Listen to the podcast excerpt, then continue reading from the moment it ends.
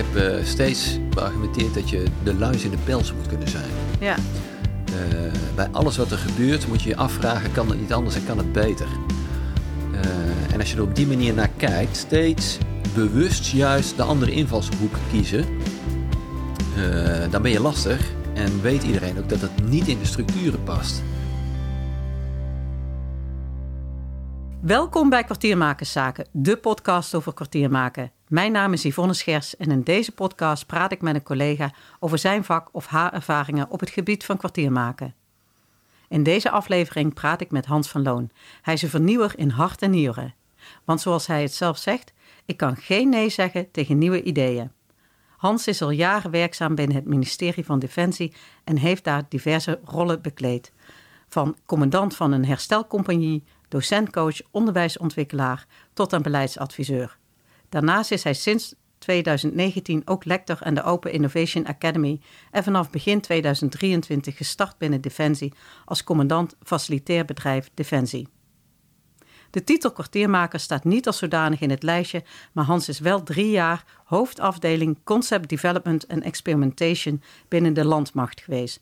Dat klinkt toch ook wel als kwartiermaken, maar dan niet op de traditionele manier binnen de militaire gremia. Wellicht dat het daarom anders heet. Hans, welkom. Fijn dat je er bent. Dankjewel. Nou, sinds februari een nieuwe rol. Het zal een Ja. drukke periode voor jou zijn. Ja, dat is zeker een drukke periode. eh, want ik ben in een bedrijf terechtgekomen dat net gereorganiseerd is. En dat betekent dat de twee organisaties die daaruit ontstaan zijn echt aan het veren schudden zijn.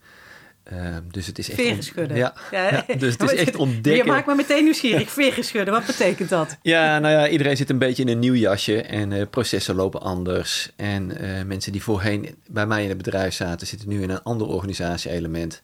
En plotseling lijkt het alsof ze niet meer weten wat ze deden. Eh, dus ze zijn echt aan het ontdekken hoe die dingen weer op elkaar aan moeten sluiten. Oké.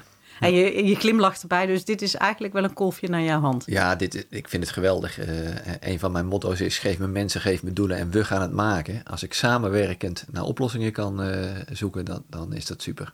Ja, mooi. Ja.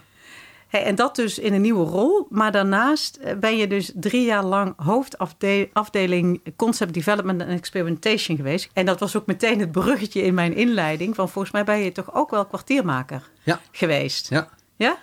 Ja, en misschien probeer ik dat eh, soort onbewust toch wel overal ergens te zijn. Oké, want wat, Eh.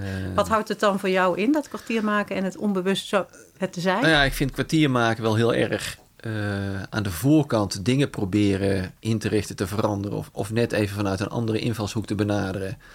Weg van de gevestigde of de gebaande wegen. De gevestigde orde of gebaande wegen. Ja, dat vind ik altijd de uitdaging. Ja. Hey, en hoe ben je dan eigenlijk hoofdafdeling Concept Development and Experimentation? Nou, we noemen het gewoon kwartiermaker Ja. voor nu geworden. Hoe is dat ontstaan? eh? Ehm, nou ja, als ik een lange versie ga vertellen, dan hebben we de podcast vol. Dus laat ik dat maar niet doen. Eh, maar de korte versie is, ik zou eigenlijk een functie in Den Haag moeten gaan vervullen. En toen ik op gesprek ging om te kijken of dat wat was, kwamen we daar eigenlijk niet uit. Maar degene met wie ik in gesprek was, die zei, we moeten iets met dat Concept Development and Experimentation. Een innovatieclub zijn ze aan het oprichten in eh, Amersfoort. Ik kende toen nog niet helemaal de achtergrond, komen we misschien nog wel op. Ja.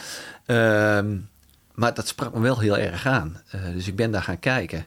En ik heb een soort van introductiegesprek gehad. Eh, en eigenlijk een soort sidestep. eh, toevallig, maar toeval bestaat niet. Kwam ik daar terecht.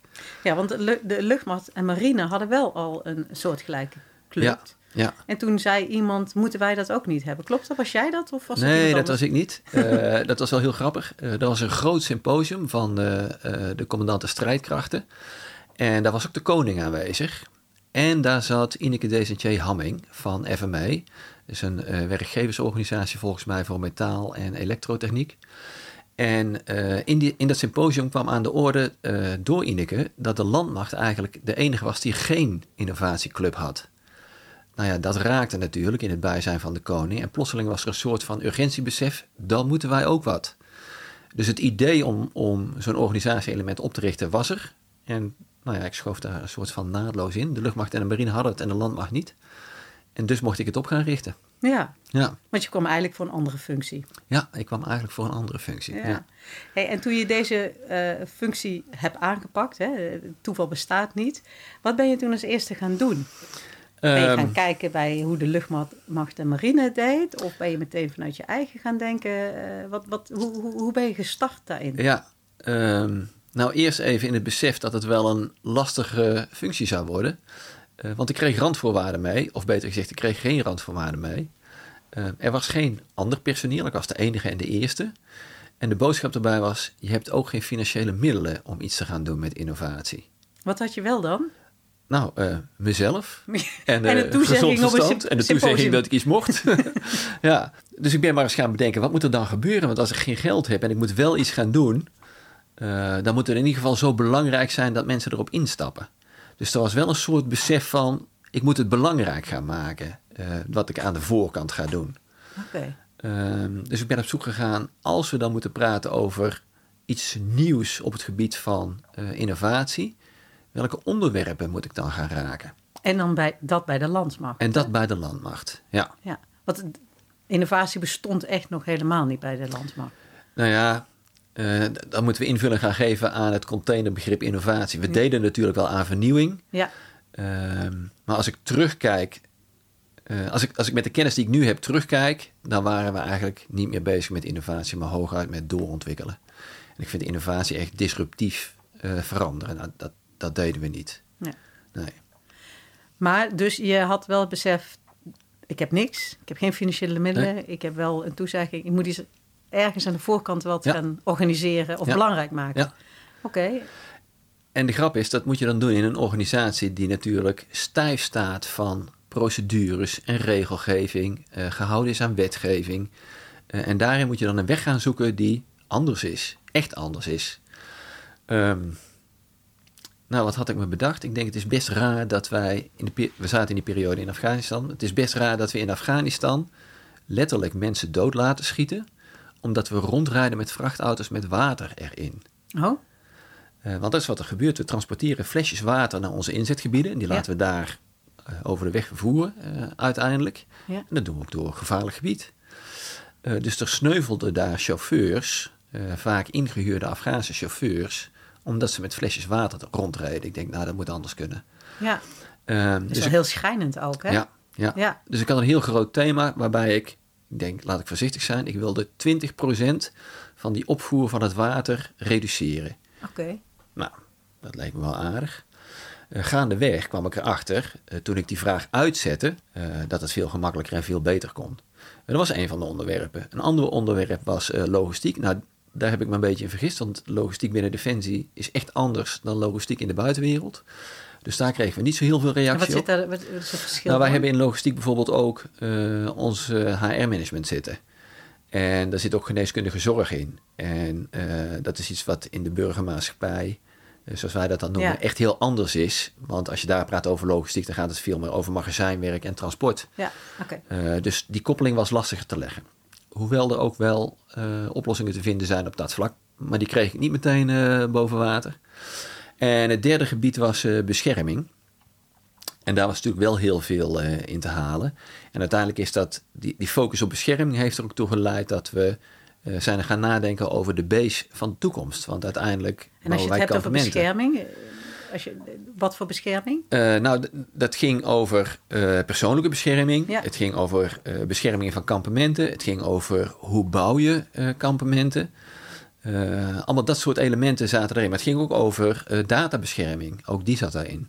Dus het was een heel breed onderwerp. Ja, Ehm, met die onderwerpen dacht ik, nou daar kan ik de interesse wel van wekken, voor wekken in de, de wereld om me heen. De buitenwereld. De buitenwereld, buiten Defensie. Ja, Om te kijken of we daar partijen kunnen vinden die met ons willen nadenken over wat kunnen we daar dan allemaal. Ah, en dat werd wel een doorslaand succes. Ja, en toen had je nog steeds geen budget? ik of- had geen budget. Ja, Oké, En eh, ik ben regionale bijeenkomsten gaan organiseren. Eh, Zuid, eh, Noord en West, zoiets was het ongeveer. En daar heb ik bedrijven uitgenodigd. Ik had toen al de verbinding gemaakt met regionale ontwikkelingsmaatschappijen. oké. Ja. Eh, afsplitsing van eh, economische zaken eigenlijk in de, in de provincies. ja, en die zijn ook natuurlijk altijd op zoek naar nieuwe zoek, gebieden, ja. nieuwe dingen te ontwikkelen. Eh, dus daar zijn wij gaan samenwerken. En ehm, Ja, we. Ik in eerste aan. ik en mezelf. Daar, daar, kreeg ik een aantal mensen in een netwerkje. En uiteindelijk zijn we samen dingen gaan opbouwen. Ik mocht toen ook de eerste militaire mensen aantrekken die konden ondersteunen. Dus langzaam had ik een clubje van een man of vijf, denk ik, waarmee we die regionale bijeenkomst hebben opgezet. En dan zit je nog steeds in de verkennende fase. In de verkennende Wat kunnen we doen Wat met de buitenwereld? Ja. ja. Um, en ik had geen verwachting van wat daaruit zou komen. Want ik had die vraag natuurlijk wel uitgezet. Uh, ik heb drie grote thema's waar ik graag iets wil doen in innovatie en waar ik graag met de buitenwereld wil samenwerken. Maar ja, wie reageert daar nou op? Um, en dat ligt heel gevoelig binnen Defensie, want binnen Defensie is eigenlijk een soort van standaard afspraak of regel dat alleen onze inkooporganisatie die mag praten met bedrijven in de buitenwereld. En dat deed ik. En, maar je was nog niet aan het inkopen, je was ook nee, aan het verkennen, was aan het verkennen. Ja, ja, ja.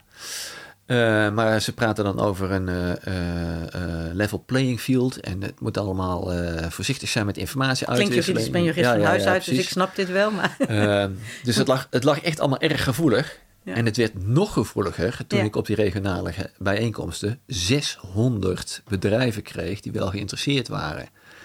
Uh, dat was echt een doorslaand succes. Ik, ik had het zelf niet verwacht. We hadden gelukkig ruimte om uh, die partijen op te kunnen vangen. Ja. Uh, maar dat was een hele interessante sessie.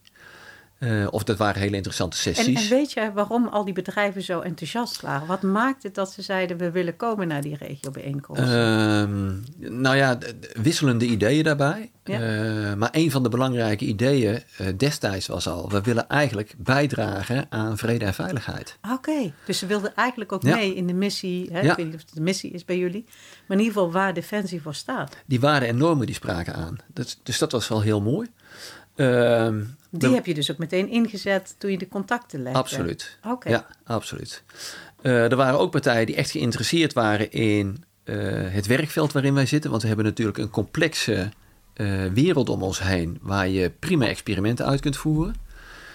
en waar je je resultaten kunt halen. En als daar dan ook nog een stickertje op kan komen, approved by the Dutch Ministry of Defense, ja, dan heb je natuurlijk ook een, een markt te winnen met die achtergrond. Ja. Uh, dus dat was ook een van de drijfveren wel. Uh, uiteindelijk moesten we selecteren. Ja, dat was wel bijzonder. Om bij de 600 te selecteren. En heb, heeft daar inkoop nog een rol kunnen spelen of heb je het allemaal uh, zelf Nee, we hebben het zelf gedaan. Oké. Ja. ja. Dus dat was wel mooi. Ja. En wat is er uitgekomen? uiteindelijk zijn we in de gesprekken tot de ontdekking gekomen. En dat, misschien heeft dat wel heel veel te maken met het feit dat we de dienstplicht in Nederland afgeschaft hebben. Mm -hmm. Uh, heel veel van de bedrijven hadden geen enkel benul van hoe onze huidige uh, basis in de uh, uitzendgebieden eruit zagen en waar we dan naartoe zouden willen. Wat gebeurt er nou op zo'n basis die jullie in het buitenland wegzetten? Um, dus wat we gedaan hebben, is we hebben een base gebouwd in Nederland om te laten zien wat we nu hebben. Maar ook om zoveel ruimte open te laten dat bedrijven die daar iets in zouden kunnen betekenen, daar hun innovatieve ideeën in zouden kunnen ah, bouwen. Dus je hebt eigenlijk meteen een soort ja, playground ja, gemaakt. Ja, we hebben een playground gebouwd. Hier naartoe gebracht. En gezegd, oké, wij gaan niet bedenken hoe het beter kan, maar willen jullie met ons samen denken hoe het beter kan. Ja. ja, een van de constateringen die ik deed was dat we uh, binnen Defensie heel goed zijn in het beschrijven welke problemen we hebben. Uh, dat we ook best goed zijn in het beoordelen van oplossingen die geboden worden voor de problemen, maar de weg daartussen, van het probleem naar de oplossing komen, we hebben wel research en development, uh, maar mijn stelling toen, en ik denk nog steeds, was sterk verouderd. Uh, niet meer van deze tijd, niet aan de voorkant van technologische ontwikkeling. wel helder. Ja, uh, en dat deed wel zeer toen ik dat begon te ventileren, maar ik zag het gebeuren om me heen. Ja. ik heb in de introductie verteld dat ik echt een soort van wakker geschrokken ben toen ik in de innovatiewereld terecht kwam. Ja. En dat meen ik oprecht, die technologie gaat zo hard. Um, daar zitten we misschien voor specifiek militaire spullen nog wel dichtbij, maar voor alles wat er omheen zit, zijn we daar ver vandaan. Ja. En dat hielp in ieder geval met wat jij hebt opgezegd om er dichterbij te komen. Ja, absoluut. Hey, en als je aan een kwartier maken bent, hè, uh, wat, heb je dan, uh, ja, wat heb je dan met name nodig? Ik hoor in ieder geval nieuwe dingen. Mm -hmm. uh, ik denk dat je doorzettingsvermogen nodig hebt. Ehm, ik denk dat je een soort van open blik nodig hebt. Uh, ik heb al gezegd, ik kan geen nee zeggen tegen nieuwe ideeën. En, dat is het eigenlijk ook. Ik ben niet die puur zangontdekker uh, of, of, of uh, beleidsmedewerker die met een glazen bol in de ruimte moet zetten om na te denken over de toekomst. Ik wil tegen die nieuwe dingen aanlopen. En als ik die zie en ik zie daar kansen in, dan wil ik ze omarmen. Dus het is ook een beetje de naïviteit om alles mooi en leuk te vinden. En, uh, je gaat op elk glinsteringetje ga je nou ja, potentieel af. Een soort van, ja. ja, ja, ja. Is, is, het een kraaltje of is het echt een nieuwe uitvinding? Ja, precies. Ik wil het wel ontdekken allemaal. Ja. ja. En, en, wat gebeurt er? Want je zit natuurlijk, hè, je benoemde in het gesprek al... Defensie uh, en, en heeft natuurlijk ook voor goede redenen... hebben ze bepaalde structuren en regels. Nou, daar lijkt jij bijna, zou ik maar zeggen... Uh, het tegenovergestelde van te zijn. Ja, ik heb Veel ruimte heb je nodig, zo ja, klinkt je hebt ruimte nodig, absoluut. En zo werden we ook wel gepositioneerd. Uh, die, die innovatieclub, CDNE, zoals wij hem dan maar voor het gemak afgekort hebben, die werd gepositioneerd een soort rechtstreeks onder de commandant van de landmacht. En dat betekende dus dat dat ook de enige was waar we verantwoording aan af moesten leggen. Nou, dat gaf natuurlijk enorm veel ruimte. Uh, waarbij de mensen waarbij, waarmee we zaken moesten doen, toch wel op zoek waren naar, ja, maar dit zijn de kadertjes en uh, daar moet je wel aan houden. En nou, nou, dat denk ik niet. Ik denk dat we anders kunnen doen. Uh, dus het was wel iedere keer aftasten en misschien zelfs wel bevechten van de grenzen. maar wel in de zekerheid dat, er maar één... Dat past dan wel weer bij Defensie, ja. of tenminste... ja, er was er maar eentje die je moest verantwoorden. en, en dat pakte wel goed uit. Uh, en dat is wel grappig, want ik heb later vaak benoemd dat als je van buiten uh, naar mij kijkt, als ik in mijn uniform rondloop, ja. Ja, dan zie je net zo'n groene den als al die andere groene dennen die uh, rondlopen bij, binnen de landmacht. Ja. maar binnen de landmacht zijn er serieus wel mensen die mij een recalcitrant mannetje vinden. En die echt vinden dat ik op de grens gebalanceerd heb van wat wel en niet acceptabel is. Ja. ja. En hoe werkt het dan? Hè? Want je, je, je rapporteerde vrij hoog in de boom dan. Heb je daar al. Want ik ging dat ook soms schuren, want ook een opdrachtgever is soms ook een beetje aan het kijken en het zoeken. Wat doet nou mijn kwartiermaker? Ja. Het is altijd best een. Tenminste, ik ervaren dat ik zelf kwartiermaker mm ben. Best een spannende positie af en toe. Eh, want ook daar eh, merk je dat soms je opdrachtgever denkt: Nou, weet het eigenlijk nog niet. Nee. En tegelijkertijd heb ik de ruimte gekregen en opdracht om juist nieuwe dingen te doen. Ja, ja. Nou, hij is voor mij één keer oprecht erg spannend geweest. Uh, dat was overigens vlak voor de opening van uh, onze Field Lab. Uh, daarover later hopelijk nog. Nee, er was een moment waarbij ik een opdracht weer voor, voor een symposium van de commandanten strijdkrachten moest gunnen. Om te zorgen dat we daar virtueel de basis van de toekomst konden laten zien. Nou, dat was heel spannend. Dat duurde en dat duurde. En die opdracht kwam eigenlijk niet op tijd af in goedkeuring. En ik gaf het bedrijf de opdracht om het wel uit te gaan voeren. Oh ja. En uh, ik was dus te vroeg met de aanbesteding. Uh, en we hebben daar binnen Defensie een prachtige term voor die misschien wel wat zegt. Voorafgaand toezicht achteraf. Dat voorafgaand toezicht is eigenlijk bedoeld om te zorgen dat je aan de voorkant alle nette dingen doet. En ja. uh, zorgvuldig bent in je opdrachtverstrekking. Ja, als dat achteraf moet gebeuren, dan ben je natuurlijk de sjaak. Want dan heb je iets gedaan wat eigenlijk niet mocht. Dat deed ik. en ik vind als je dat doet, dan moet je dat ook meteen goed doen. Daar had ik last van. Die kwam op het niveau van de SG. Hm. En daar Secretaris-generaal. De secretaris-generaal, ja, ja, ja. Niet ingevoerde. En uh, uiteindelijk was daar een jurist die zei... ja, uh, deze meneer Van Loon, die moet zo langzaam een keer gaan begrijpen. Uh, dit is reden voor ontslag als er niet oppast. Hm. die werd wel even serieus spannend. maar daar heb ik me uiteindelijk heel erg gesteund gevoeld... door de generaal Wijnen, toen de commandant van de landmacht. Plaatscommandant, denk ik, toen nog van de landmacht. die gezegd en wat was er eigenlijk gebeurd als je het niet had gedaan? Was je dan te laat geweest? Ja, dan hadden, dan hadden we op, die, op het symposium van de commandant van de strijdkrachten geen uh, virtuele basis van de toekomst gehad. En, en, en, en je had hem dus wel? Ja. Heeft dat ook wat opgeleverd? Ja, absoluut. Wat heeft het opgeleverd? Uh, nou, we hebben daar kunnen laten zien in welke richting de ontwikkeling van de ideeën moest gaan uh, groeien. Bijvoorbeeld zelfvoorzienend zijn in eten en drinken op een locatie. Waarbij we uh, innovatieve ideeën hadden over in hele smalle plantenbakjes uh, voeding produceren. Dus het, in die zin heeft het echt wel meerwaarde gehad uh, dat we die virtuele basis hadden. Ja. Hey, en deze podcast is altijd te kort, daar kom ik nou iedere keer achter. Dus we reizen even door naar de Field Labs. En dan ook nog even naar, nou ja, hoe is het nu verder hè, met het centrum wat jij hebt opgezet? Het heet anders, maar ik krijg het maar niet goed uh, uit mijn mond. De Field Labs, om de daar nog even... Met EZK was dat? Ja, uh, eigenlijk uh, vanuit het initiatief van Ineke Desentje. eh, zijn we de, die basis die we gebouwd hadden om die ontwikkeling te laten zien, gaan doorontwikkelen. En dat is uiteindelijk de Field Lab Smart Base geworden. een erkende Field Lab vanuit Smart Industries, ondersteund door economische zaken ook. waarbij we echt ontwikkelingen voor de base van de toekomst kunnen doen. Die ook een relatie heeft met de kampementen die bijvoorbeeld hulpverleningsorganisaties aan het bouwen zijn. Die daar ook kunnen experimenteren. Dus we hebben nu een experimenteergrond uh, officieel erkend waar we met innovaties aan de gang kunnen.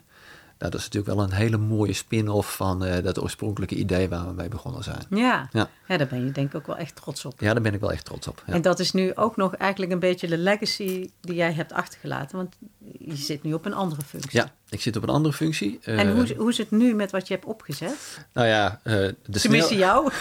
nou, dat weet ik niet of ze me missen. Uh, maar er zijn wel wat verschuivingen geweest. Dat, dat oorspronkelijke kampementje wat we gebouwd hadden, dat moest weg. Want dan moest het grote logistieke centrum voor Defensie gebouwd gaan worden. Oké. Okay. dus dat hebben we nu verplaatst naar een andere locatie. Daar is het een soort van weer opgebouwd. Ehm, en ze zijn met veel meer ideeën aan de gang gegaan. Uh, maar, en dat is misschien wel uh, de grootste teleurstelling waar ik mee moet leren leven. Ja. Uiteindelijk hebben we dit recalcitrante clubje, zal ik maar zeggen, ingebed in de reguliere organisatie. Ja, en dan wordt het ingewikkeld. Hè? En dan wordt het ingewikkeld, want dan zie je echt dat ze zich moeten richten naar de structuren, uh, dat ze gehouden zijn aan de processen. en dan raken ze een hele hoop van het initiatief wat er was, raken ze kwijt. Ja, dat is dan misschien ook wel mooi. Daar zit misschien ook, hè, want we kwartier maken en een innovatieclub. Kwartier maken heb je echt de ruimte nodig. Hè? En zeker op het begin kan het overgaan naar een gebaande, ja, gebaande en een vaste structuur. Maar innovatie heeft eigenlijk continu een soort broeiplaats ruimte nodig. Ik heb uh, steeds beargumenteerd dat je de luis in de pels moet kunnen zijn. Ja. Uh, bij alles wat er gebeurt moet je je afvragen, kan het niet anders en kan het beter? Uh, en als je er op die manier naar kijkt, steeds bewust juist de andere invalshoek kiezen, uh, dan ben je lastig en weet iedereen ook dat het niet in de structuren past. En het is nodig om uh, de mensen die de lijnen uitzetten scherp te houden op de ideeën die ze hebben. Is dit ook een kwaliteit die je als kwartiermaker echt nodig hebt? Ja, absoluut. Ja? ja. ja. ja. Mooi. We komen bij de afronding. Nou, het gesprek is echt weer veel te snel gegaan. Volgens mij moet ik deze podcast maar een uur gaan maken of zo.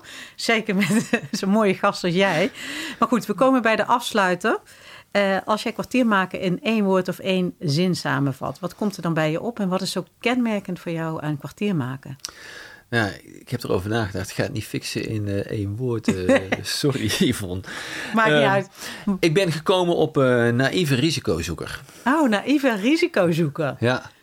Dat is wat een kwartiermaker ja. zou mogen en moeten zijn. Ja, want ik denk dat je, ondanks de weerstand die je zeker gaat ervaren... want dat is wat er gebeurt als je aan die innovatiekant gaat kwartier maken... moet je toch door willen gaan. iedere keer op het randje van wel, wat wel en niet acceptabel is voor de mensen om je heen... Uh, dat maakt het soms echt ingewikkeld.